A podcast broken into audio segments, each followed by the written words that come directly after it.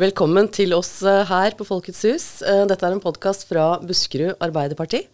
Jeg heter Tonje Enersen og er annenkandidat til fylkestingsvalget til høsten. I dag skal vi prate litt om fagbevegelsen og den rollen som den har spilt i forhold til Arbeiderpartiet. Og derfor så har vi invitert med oss i studio Petter Dreyer fra LO Buskerud. Hei, Petter. Hallo.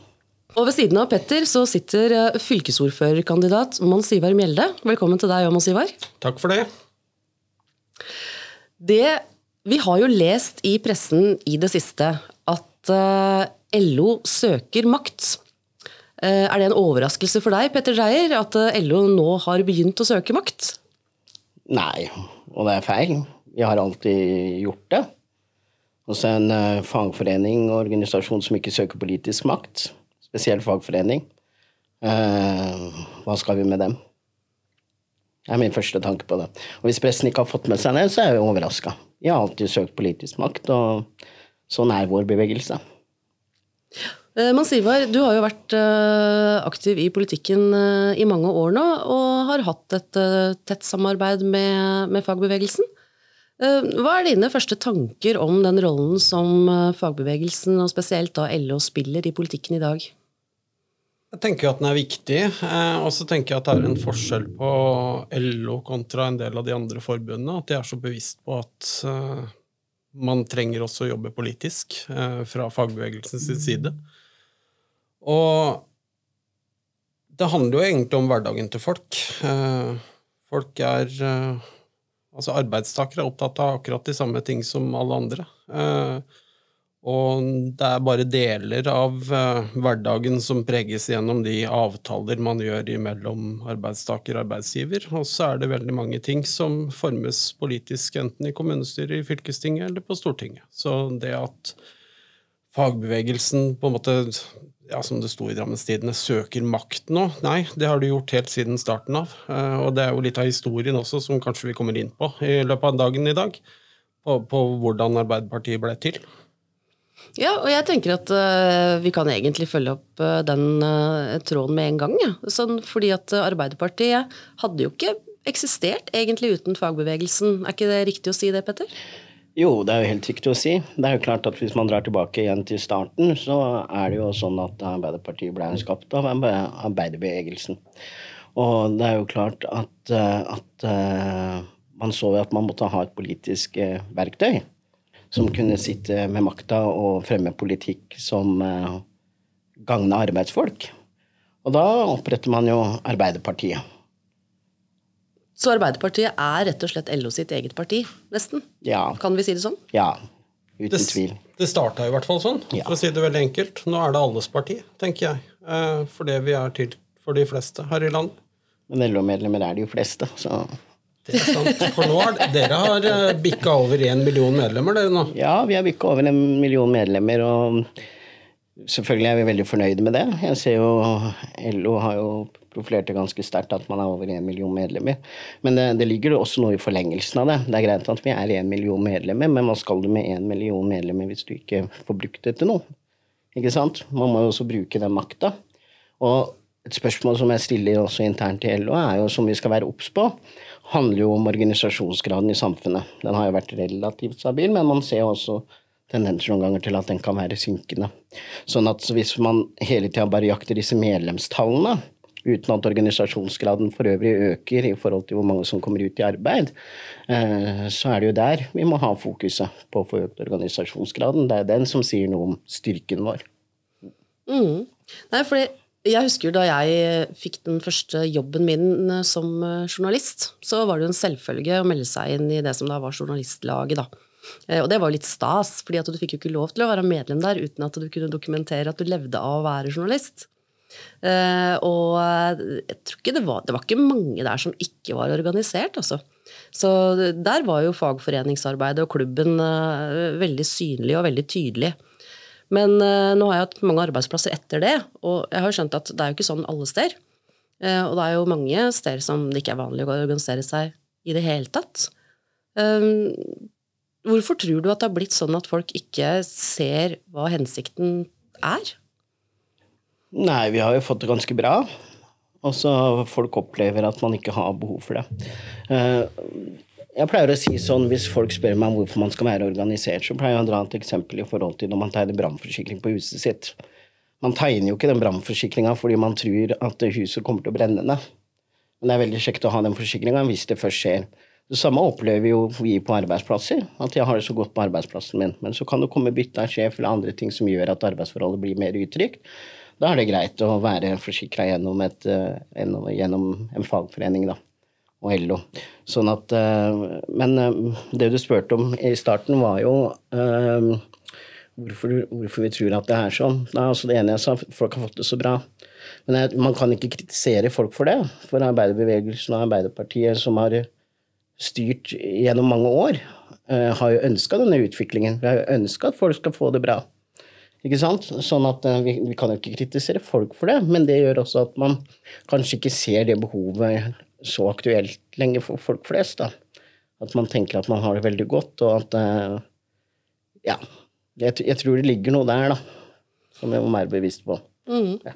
Det er nesten et paradoks, da, at uh, man har jo jobba så bra at man uh, er i ferd med å gjøre seg selv overflødig. Ja, Altså Overflødig tenker jeg at man ikke blir, for det viser jo historien at uh, hvis du slipper til andre krefter, andre tanker, uh, så tar de plassen. Uh, og Det betyr jo at avtaler som er fremforhandla enten politisk eller gjennom mellom arbeidstaker og arbeidsgiver, de, de er jo oppe til forhandling hver eneste gang. og Det betyr jo at du må fortsatt argumentere og kjempe for de rettighetene som er. Og I forhold til det der med organiseringsgrad eh, Mitt første møte med arbeidslivet sånn eh, ut, ut i læreplass, da, eh, det var jo på en offshorebedrift. Eh, jeg tenker at Mye av grunnen til at jeg lærte om fagbevegelsen og, og dens rolle, litt er hjemmantifra for all del, men, men, det er måten klubben tok meg imot. Eh, og lærlingene, ikke minst. Eh, ikke bare 'vær så god, meld dere inn her', det gjør alle, liksom, men, men, de inviterte oss på kurs, lærte oss om historien, hvilken rolle fagforeningen hadde hvilke avtaler som ble gjort lokalt uh, osv., så sånn at man fikk et innblikk i nettopp hva den forsikringen som du sier, Petter, inneholder. da. Uh, uh, og den bevisstheten tenker jeg at hvis du ikke har med deg den, da, så, så er jo spørsmålet igjen ja, hvorfor skal jeg gjøre dette her? hva gagner det meg? Og nå har jo vi Petter, vært ute og reist på en del samlinger i sammen og snakka om det faglig-politiske samarbeidet. Mm. Og mye av de tilbakemeldingene vi får fra de eh, lokale tillitsvalgte ute i ja, veldig mange forskjellige bransjer, egentlig, det er jo det at folk gjerne kommer løpende når det brenner, da, hvis vi skal bruke det begrepet videre. Altså når det er en konflikt på arbeidsplassen, når det er uenighet om overtid eller turnuser osv., da har de plutselig den interessen av å være fargeorganisert, fordi da ser de at de trenger noen til å kjempe med dem. Mm. Eh, og det handler kanskje litt gjennom det der at ja, vi har det veldig godt, eh, og så kommer den dagen hvor et eller annet blir litt vanskelig, og da, da kommer behovet opp igjen. da. Så vi tar ja. det kanskje litt for gitt, liksom, at alt er bra. Absolutt. Vi ser jo en del tilfeller hvor det, altså man sier jo at det er så bra i norsk arbeidsliv. Og i det store og det hele så er det nok det, men eh, det er nok en del eksempler som overrasker en del når vi forteller om hva man finner ute på arbeidsplasser. Det står ikke alltid så bra til. Og det betyr jo at eh, det er fortsatt veldig aktuelt å være i fagforeninger. Sånn at vi, ser at folk ikke alltid blir behandla veldig bra. Og det er kanskje verre i noen bransjer enn enn andre. Og så kommer man, Vi så det kanskje spesielt under pandemien nå. Ikke bare det der at man ikke ble behandla bra, men da så man også hvilken kraft fagforeninga kunne ha. For det er en del ting som måtte på plass. Dette var en ny situasjon, bare i forhold til smittevernsutstyr så blei det jo sånn at ja, de som jobba i helsevesenet, fikk jo veldig fort tilgang på det. Fordi de sto i førstelinja. Men hvis vi ser på de butikkansatte i varehandelen som sto i kassa, som også egentlig sto i førstelinja og mottok ganske mange mennesker i løpet av en dag, de hadde jo ikke noe krav på noe smittevernutstyr og sånn i starten. Da er det jo fagforeninga som kommer på banen, som sikrer at man får pleksiglass, og at utstyr også kommer på de type arbeidsplasser. Sånn at uh, det er absolutt aktuelt i dag. og det er nok viktig å minne på at eh, det står ikke så bra til i arbeidslivet overalt. Ja, du sier at eh, det er ikke sikkert at det står så bra til som vi tror. Eh, nå skal dere snart ut på sommerpatrulje, og det er noe dere gjør hvert år. Ja. Hva går det ut på? Det går ut på å dra rundt når, altså Det kommer inn en del som har sommerjobb. Så i første omgang så handler det om å dra ut og besøke dem og se at de får de rettighetene de har krav på. både altså, grunnleggende rettigheter som ligger i arbeidsmiljøloven, og så har du krav på pause, eller du har krav på pause, og er den betalt eller er den ubetalt? Hvilke rettigheter som ligger i forhold til det? Eh, overtidsbetaling Det vi kan se, da, eh, en del steder, for det blir jo mye varehandel. Men eh, vi ser jo at det er en del som ikke får betalt når man kommer for å åpne butikken, ikke sant? for eksempel. Eller når man skal stenge den. At man bare får betalt i de timene butikken på en måte er åpent.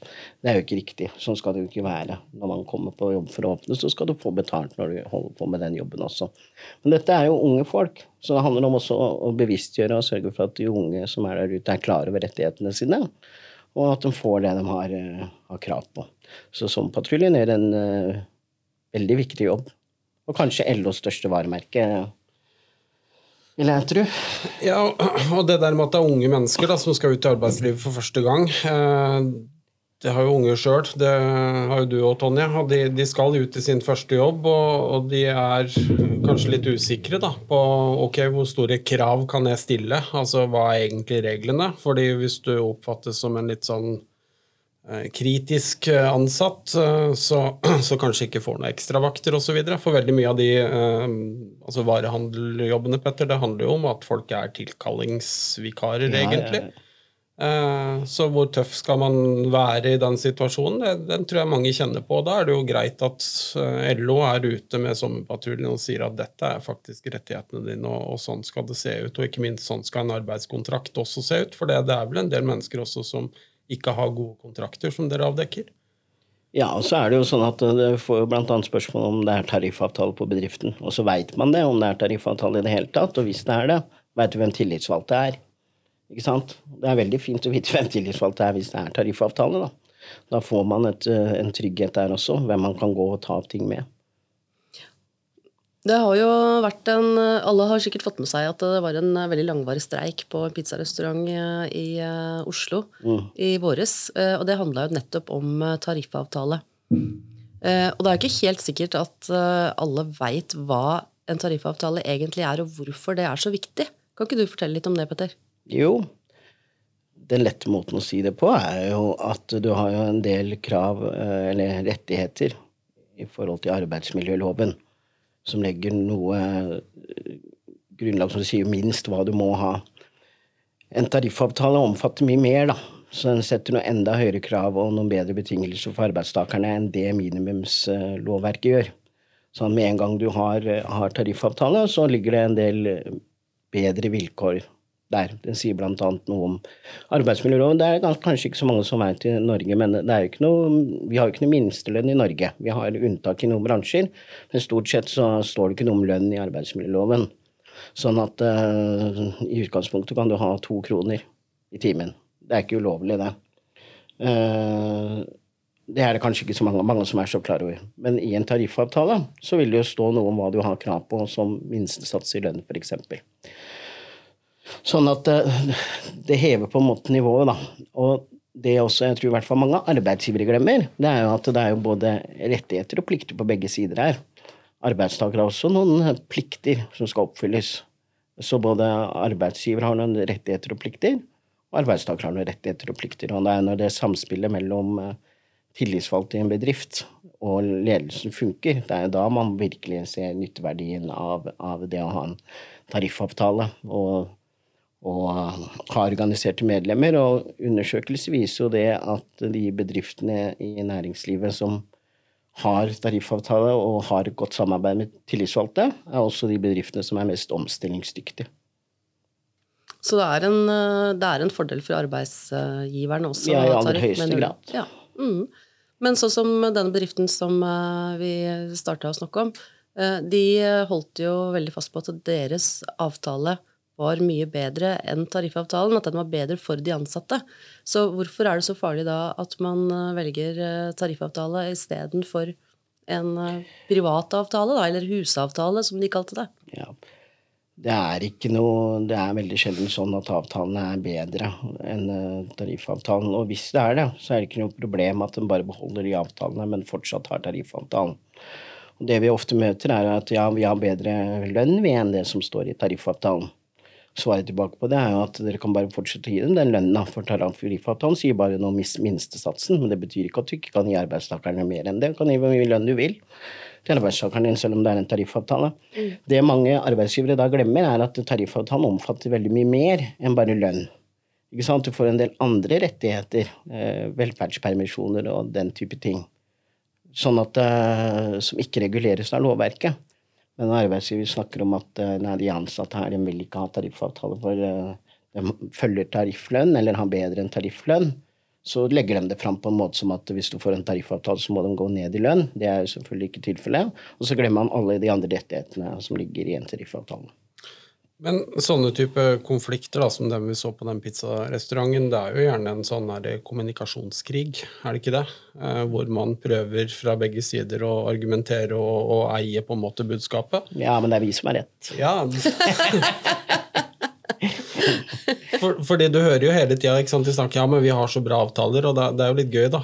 Ja, men det kan dere fortsette å ha. Ja. Eh, men det er fornuftig å ha en tariffavtale også. Eh, men da er vi inne på det med, med det faglig-politiske samarbeidet, da. fordi Tariffavtaler det er jo noe som utarbeides mellom arbeidsgiver- og arbeidstakerorganisasjonen. Og så sa du, Petter, at vi har jo også en arbeidsmiljølov i Norge, og den er jo politisk vedtatt. Eh, og der kommer jo politikken inn. Ja. Og den regulerer jo også en del ting. Og Uh, altså Manns minne det er jo ikke så veldig langt, vi glemmer veldig fort. Uh, men uh, det er ikke så mange år siden LO var veldig kritiske til svekkelser i arbeidsmiljøloven. For det, den blå-blå regjeringa de gjorde en del grep der.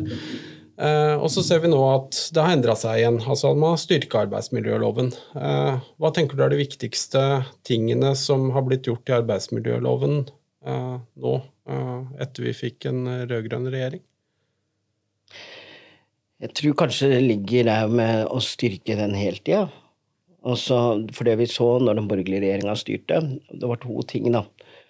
Eh, spesielt som var fagbevegelsens saker. Men uh, det ene var den rettigheten til deltid. Så nå får du et strengere krav, lovverk rundt det. Om, om, som kan på en måte framsnakke det å ha heltid. Bevisbyrden ligger hos arbeidsgiver, bl.a. hvis du skal bruke midlertidighet. Vi har fått noen endringer på, på innleie.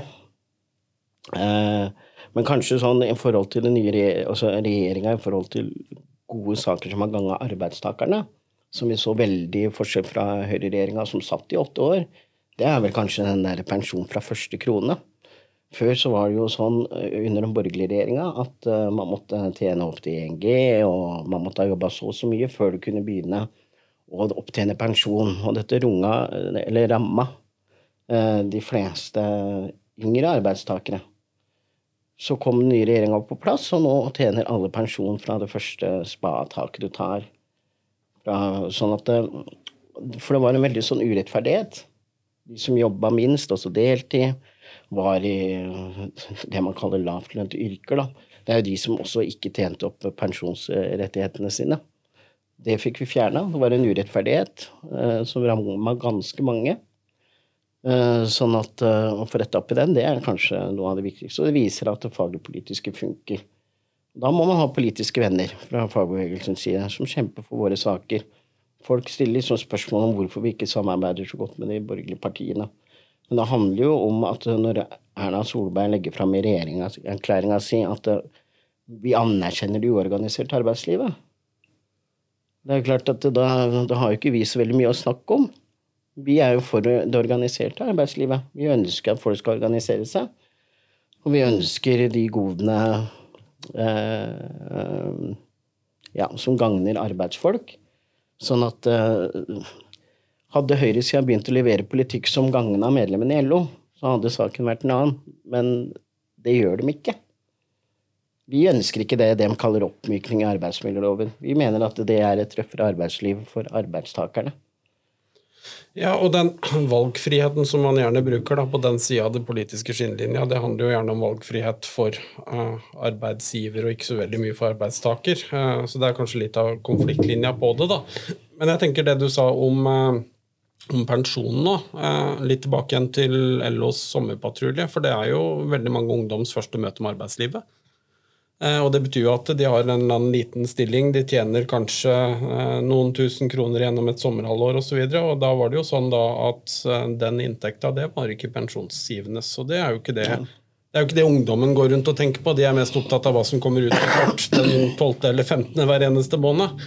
Og ser kanskje ikke 50 år fram i tid og tenker på at oi, jeg skal ha en pensjon å leve av også. Hva tenker du rundt den der bevisstheten på, på, de tingene der? Er det et tema også som kommer opp når dere er ute og møter disse ja, unge nye? Ja, og plutselig så ser man verdien av å organisere seg. At det kanskje ikke var så dumt. Sånn at, eh, For de blir overraska for det første over at det ligger noen krav der, hva man har krav på. Og så, og så Bare det at man ikke har en arbeidskontrakt, eh, ser vi ganske ofte. Det er flere steder hvor man ikke har fått arbeidskontrakt ennå.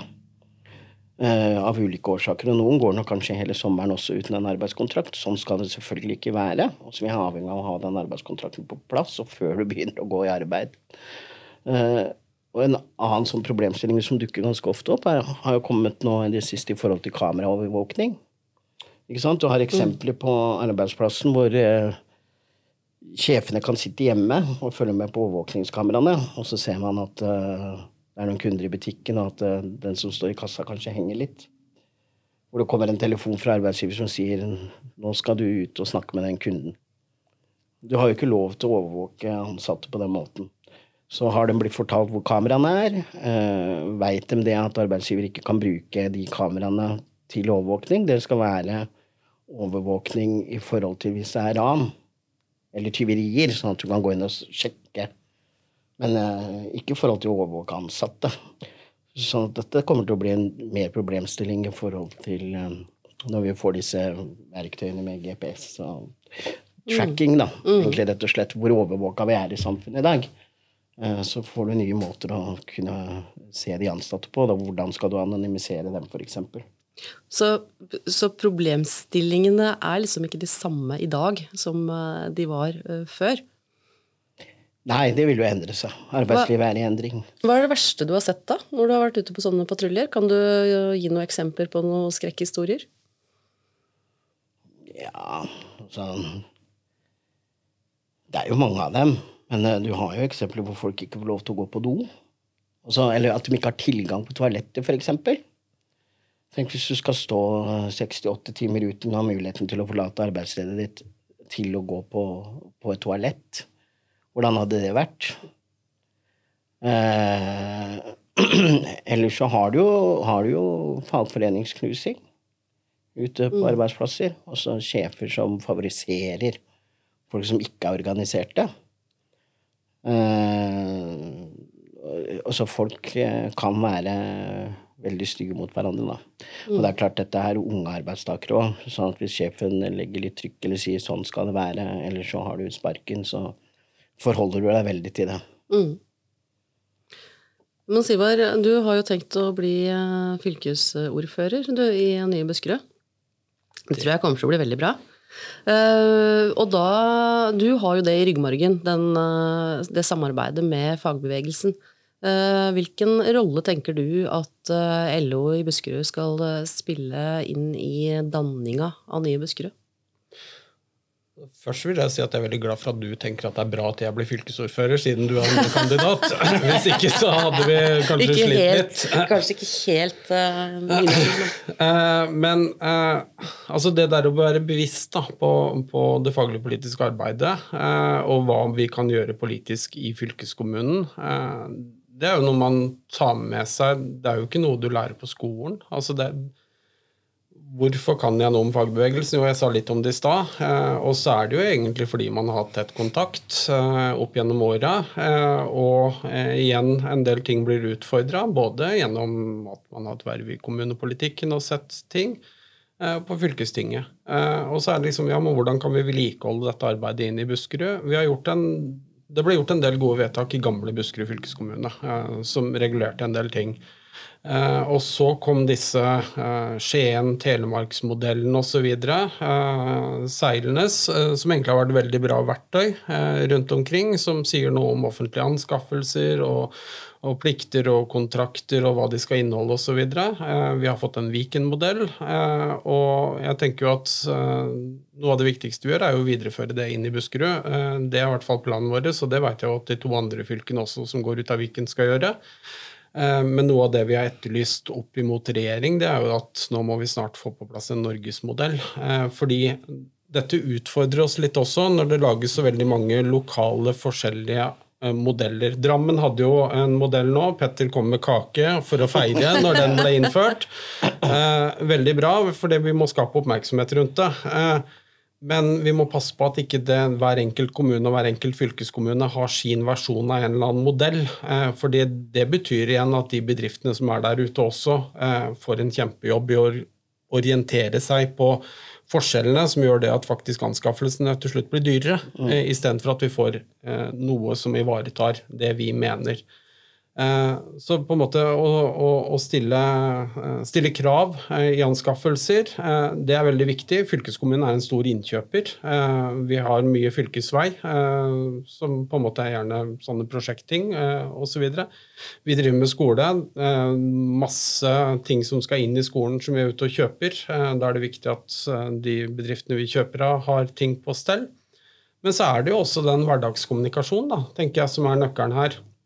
For hvordan snakker man med hverandre? Eh, hvordan involverer man hverandre i prosesser? Eh, og der har vi jo trepartssamarbeid som har fungert veldig godt i Norge. Det er veldig lite konflikter i norsk arbeidsliv, og det er jo fordi at de tre partene, eh, arbeidsgiversida, arbeidstakersida og det offentlige, setter seg ned og prater.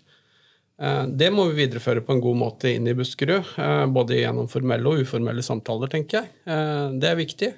Fordi det vi ser, da, det er jo det at som folkevalgt så tenker jo folk at ja, ja, men dere kan jo alt, eller burde visst alt, eller kan lese alt i et saksdokument. Det er jo ikke sånn. Vi er mennesker som alle andre. Det tror jeg du kjenner deg igjen nå, Tonje. Og vi trenger noen ganger litt input på, på hverdagen og Det betyr jo det at å ha lytteposter ute blant de ansatte, ha lytteposter ute også fra arbeidsgiversida. Jeg var i møte med NHO Viken i går, uh, hvor de uh, presenterte noen problemstillinger i arbeidslivet som ikke var kjent for noen av de politiske partiene som møtte der. Og det er klart, Hvis ikke de sier ifra, så er det vanskelig for oss å gjøre noe politisk. På samme måte som når Petter da kommer og sier at høy, du, Hør her, dette høres litt rart ut. Eh, hvis ingen sier ifra, så er det vanskelig for oss å ta tak i det, da. Mm. Så jeg tenker at uh, altså, Nye Buskerud vi skal være kommunenes beste venn, men vi skal også være på lag med de ansatte. Uh, og vi skal sørge for at vi gjør vår jobb for å ha et organisert arbeidsliv. Det er jo, vi, alle, alle, vi tre som sitter her, vi syns jo selvfølgelig at det mest fornuftige er å stemme på Arbeiderpartiet til mm. høsten. Mm. Men eh, det er jo veldig mange som er medlemmer i LO som ikke stemmer på Arbeiderpartiet. Eller kanskje noen som ikke stemmer på Arbeiderpartiet, som da heller ikke ser hensikten med å melde seg inn i LO. Men hvorfor skal man være fagorganisert i et LO-forbund hvis man ikke stemmer på Arbeiderpartiet, Petter? Det er jo fordi at hvis ikke arbeidsfolk sjøl eh, kjemper kampen, så er det ingen andre som kommer til å gjøre det for dem. Sånn at det å ha det fellesskapet med de medlemmene i ryggen, det er ofte veldig ålreit, da. Å ikke bli stående igjen aleine på arbeidsplassen. Jeg tenker eh, Ja. Det er vi som tar den kampen for arbeidstakerne, da. Sånn at eh, det er ingen andre som kommer til å gjøre det for deg. Jeg tror kanskje det er det viktigste. Ja, ikke sant. Så, og den kampen tar man jo selv om eh, den ansatte som trenger hjelp, stemmer på et borgerlig parti. Ja, og, og, vi pleier ofte å si det at uh, dere får se litt på forbundets politikk, for alle forbund har, sine politiske programmer da, eller handelsplaner mm. i forhold til hva man skal jobbe opp mot. Uh, og det er klart at Hvis du ser, ser på det, hva forbundene legger til grunn for sine medlemmer, hva som er viktig i deres bransjer, så går det jo et ganske klart skille, da, hvis man går og ser på de politiske programmene, hvem partier eh, som tar de kampene for arbeidstakerne som forbundet er opptatt av. Mm. Så hvis du legger de verdiene til grunn når du har valgt å organisere deg et LO-forbund, så også den svingdøra, hvis du da stemmer på Frp, den går ikke rundt, for å si det sånn. Nei, jeg skjønner. Uh, og så er det jo også noen som reagerer på at uh, LO gir penger til uh, flere av partiene på venstresida i valgkampen. Mm. Hva sier du til dem? Nei, dette handler selvfølgelig om interesser. Vi støtter opp under de partiene som eh, kjemper våre saker. akkurat som at høyresida mottar penger fra, fra, fra Kall det de rike onklene, da. Eh, Den får tilbake i form av eh, lavere formuesskatt, eh, skatter og avgifter. Det er ganske mye penger òg, men det man skal være litt bevisst på når man ser på hvor disse pengedonasjonene fra høyresida kommer, så snakker man ofte om, eh, om eh, disse som personer, at de gir privat osv. Mange av dem gjør jo ikke det. De bruker jo selskapene. Og husk på det at eh, når Kongressen til LO vedtar jo at vi for det første skal ha et formalisert samarbeid med Arbeiderpartiet, og de først eh, bestemmer eh, hvordan fordelinga av pengene skal gå, til hvilke partier. Og det er jo 350 delegater, som igjen er valgt av apparatet ute blant medlemmene. Så dette er jo helt demokratisk. Men eh, ja, la oss ta bare Olav Thon, da, når han ga kjempestøtte til Frp. Jeg tror ikke han har spurt de ansatte på Thon Hotels eller Thon-gruppen om hvem han skulle gi penger til. Nå så jeg du ble ivrig, Petter, for nå begynte du å telle på, på fingeren når du skulle oppsummere. Ja, ja, ja. det.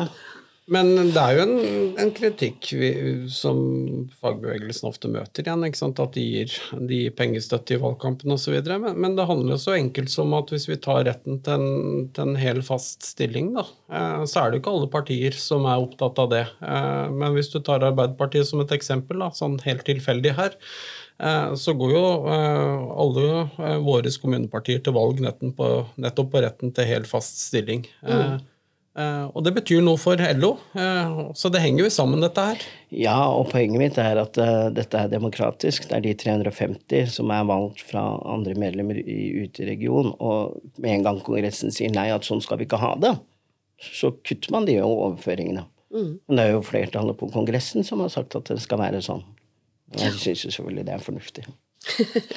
og Kongressen, det er da LO sin versjon av landsmøtet, ikke sant? Det mm. stemmer. Men Tonje, du, du sa jo at du, du starta å jobbe som journalist. Da var det en selvfølge å fagorganisere deg. Eh, kanskje litt stolthet inn i det også. Det hører jeg ute også. Eh, litt sånn parallelt til når jeg ble ansatt på jernbanen, eh, så, så, var det stolthet til å være organisert i Norsk Jernbaneforbund. Jeg møter jo ute steder hvor, hvor på en måte Oi, fins det en fagforening? Er det noe du kjenner deg igjen i?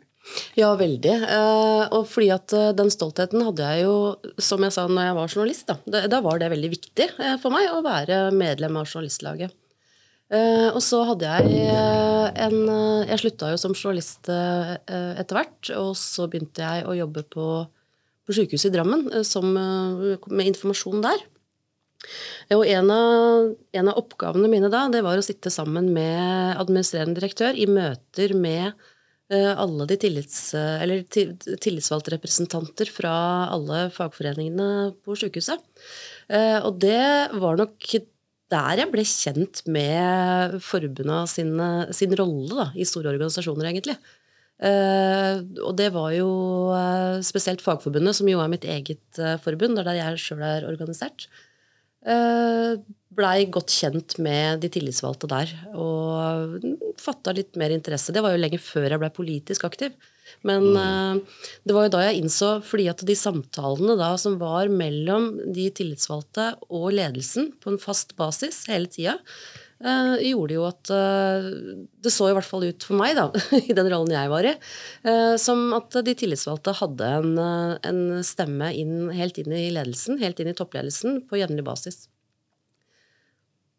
Ja, og Petter, det, det, er jo du, Jeg var på samling på Sundvolden forrige uke. Mm. og Noe av det jeg snappa opp når det var sånn klubbrunde, altså disse lokale fagforeningene ute på arbeidsplassene, Eh, det er jo at det er ganske stor forskjell på en stor bedrift, altså eksempelvis sykehuset som, som Tonje snakker om her, kontra en liten bedrift med få ansatte. Hvor formalisert er dette samarbeidet mellom klubben og ledelsen? Har de satt opp møter osv.? Eh, for det, det, er jo det det handler om, at man har en arena for å snakke om både enighet og uenighet. Mm. Eh, og det er kanskje vanskeligere på små bedrifter enn de store organiserte? Ja, i hvert fall de store organiserte, hvor det er mange medlemmer, så har du et mer eh, system for det. Men det, det handler også om hvor velvillig altså Noen arbeidsgivere skjønner veldig godt nytteverdien av det trepartssamarbeidet. Så om det er stor eller liten, da spiller det ikke så stor rolle. Men uh, det er klart at uh, de små hvor man ikke gjør det, så er det mer krevende enn i en stor organisasjon eller bedrift som har, har ordentlig ryddige forhold. Da går dette veldig sånn etter boka, sånn som det skal gjøres. Bare dra det litt tilbake igjen i forhold til det vi starta med i forhold til politisk engasjement, mm. egentlig. For det Det vi ser, i hvert fall blant våre tillitsvalgte, er jo uh, at den derre 'jeg er ikke politisk uh, engasjert' eller 'jeg er ikke politisk interessert', sier veldig mange. Uh, 'Jeg kan ikke noe om politikk', osv.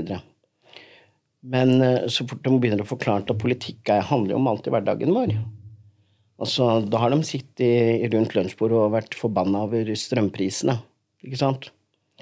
Eh, og da er det veldig lett å bruke det eksempelet at eh, skal du få gjort noe med de strømprisene, ønsker du politisk kontroll med den krafta eller et annet system, så må du gå politisk. Mm. Det betyr at du er politisk interessert. Dette handler om hverdagen vår. Mm.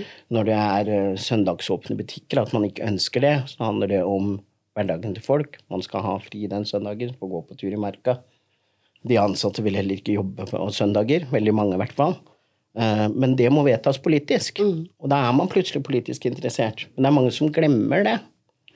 At man har meninger om politikk. Ja, for ikke sant? Det er jo veldig mange av de tingene som man er opptatt av i hverdagen, som er nettopp politikk. Ja, men man, man tenker, tenker, ikke på, på det. Nei.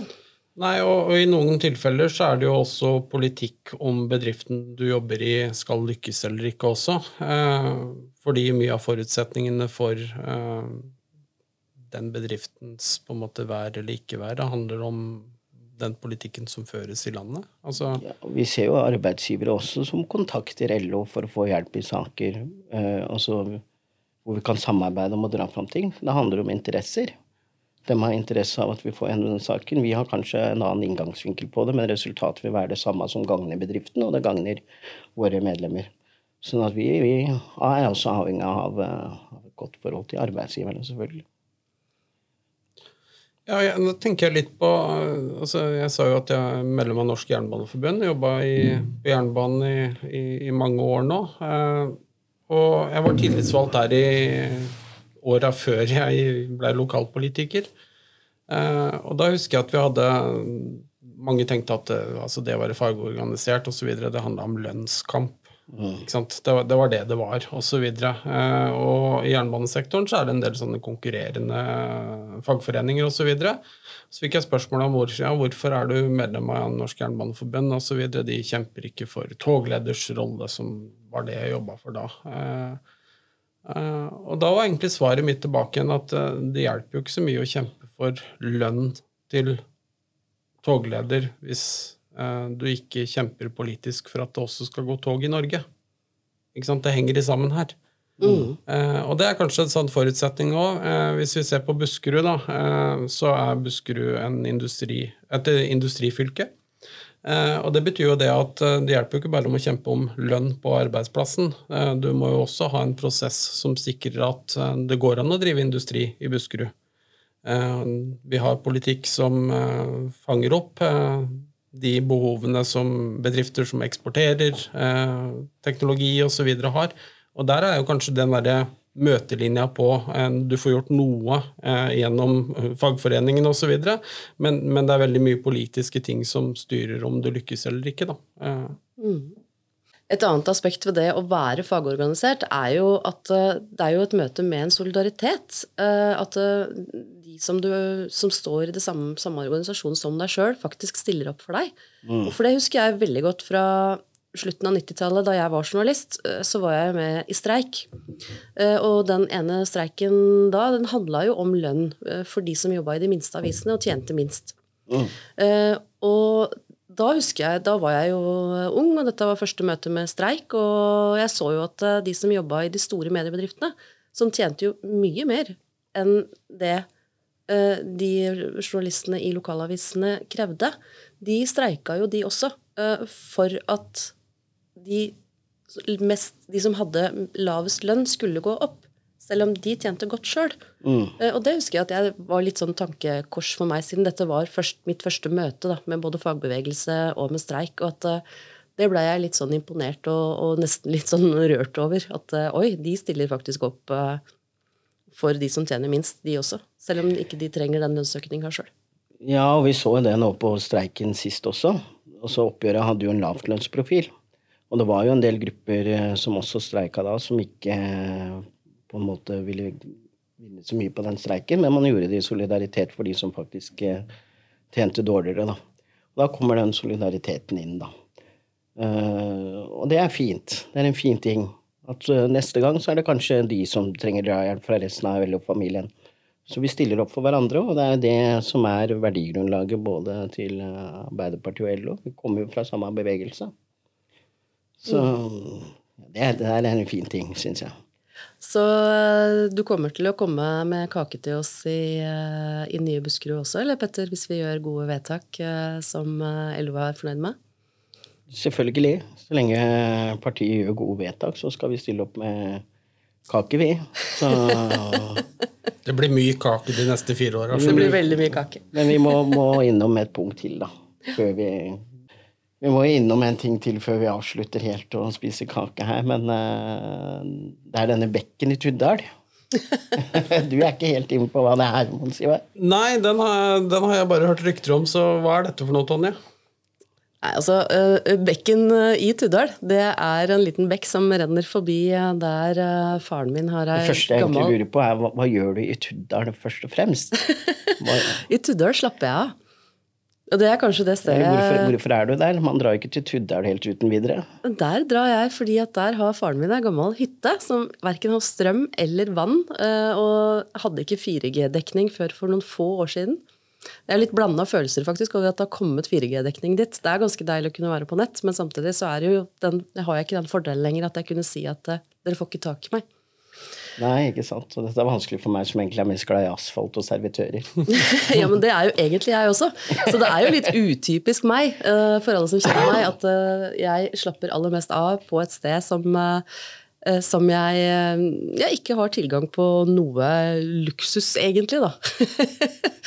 som rennende vann, hvis vi kan kalle det for en luksus. Men rennende vann er det jo da altså i bekken, som du har hørt mye om, Petter. Ja. Fordi at den lyden av den bekken, det er det første jeg hører om eh, morgenen, eh, og det siste jeg hører før jeg legger meg om kvelden, når jeg står ute og ser på stjernene og pusser tennene, og hører på lyden av bekken. Så den lyden, det betyr fri, det betyr uh, rolighet, og det betyr rett og slett at uh, nå er jeg kobla fra en liten stund. Så du kan si at uh, når jeg reiser hjem derfra, så reiser jeg hjem med ganske fulle batterier.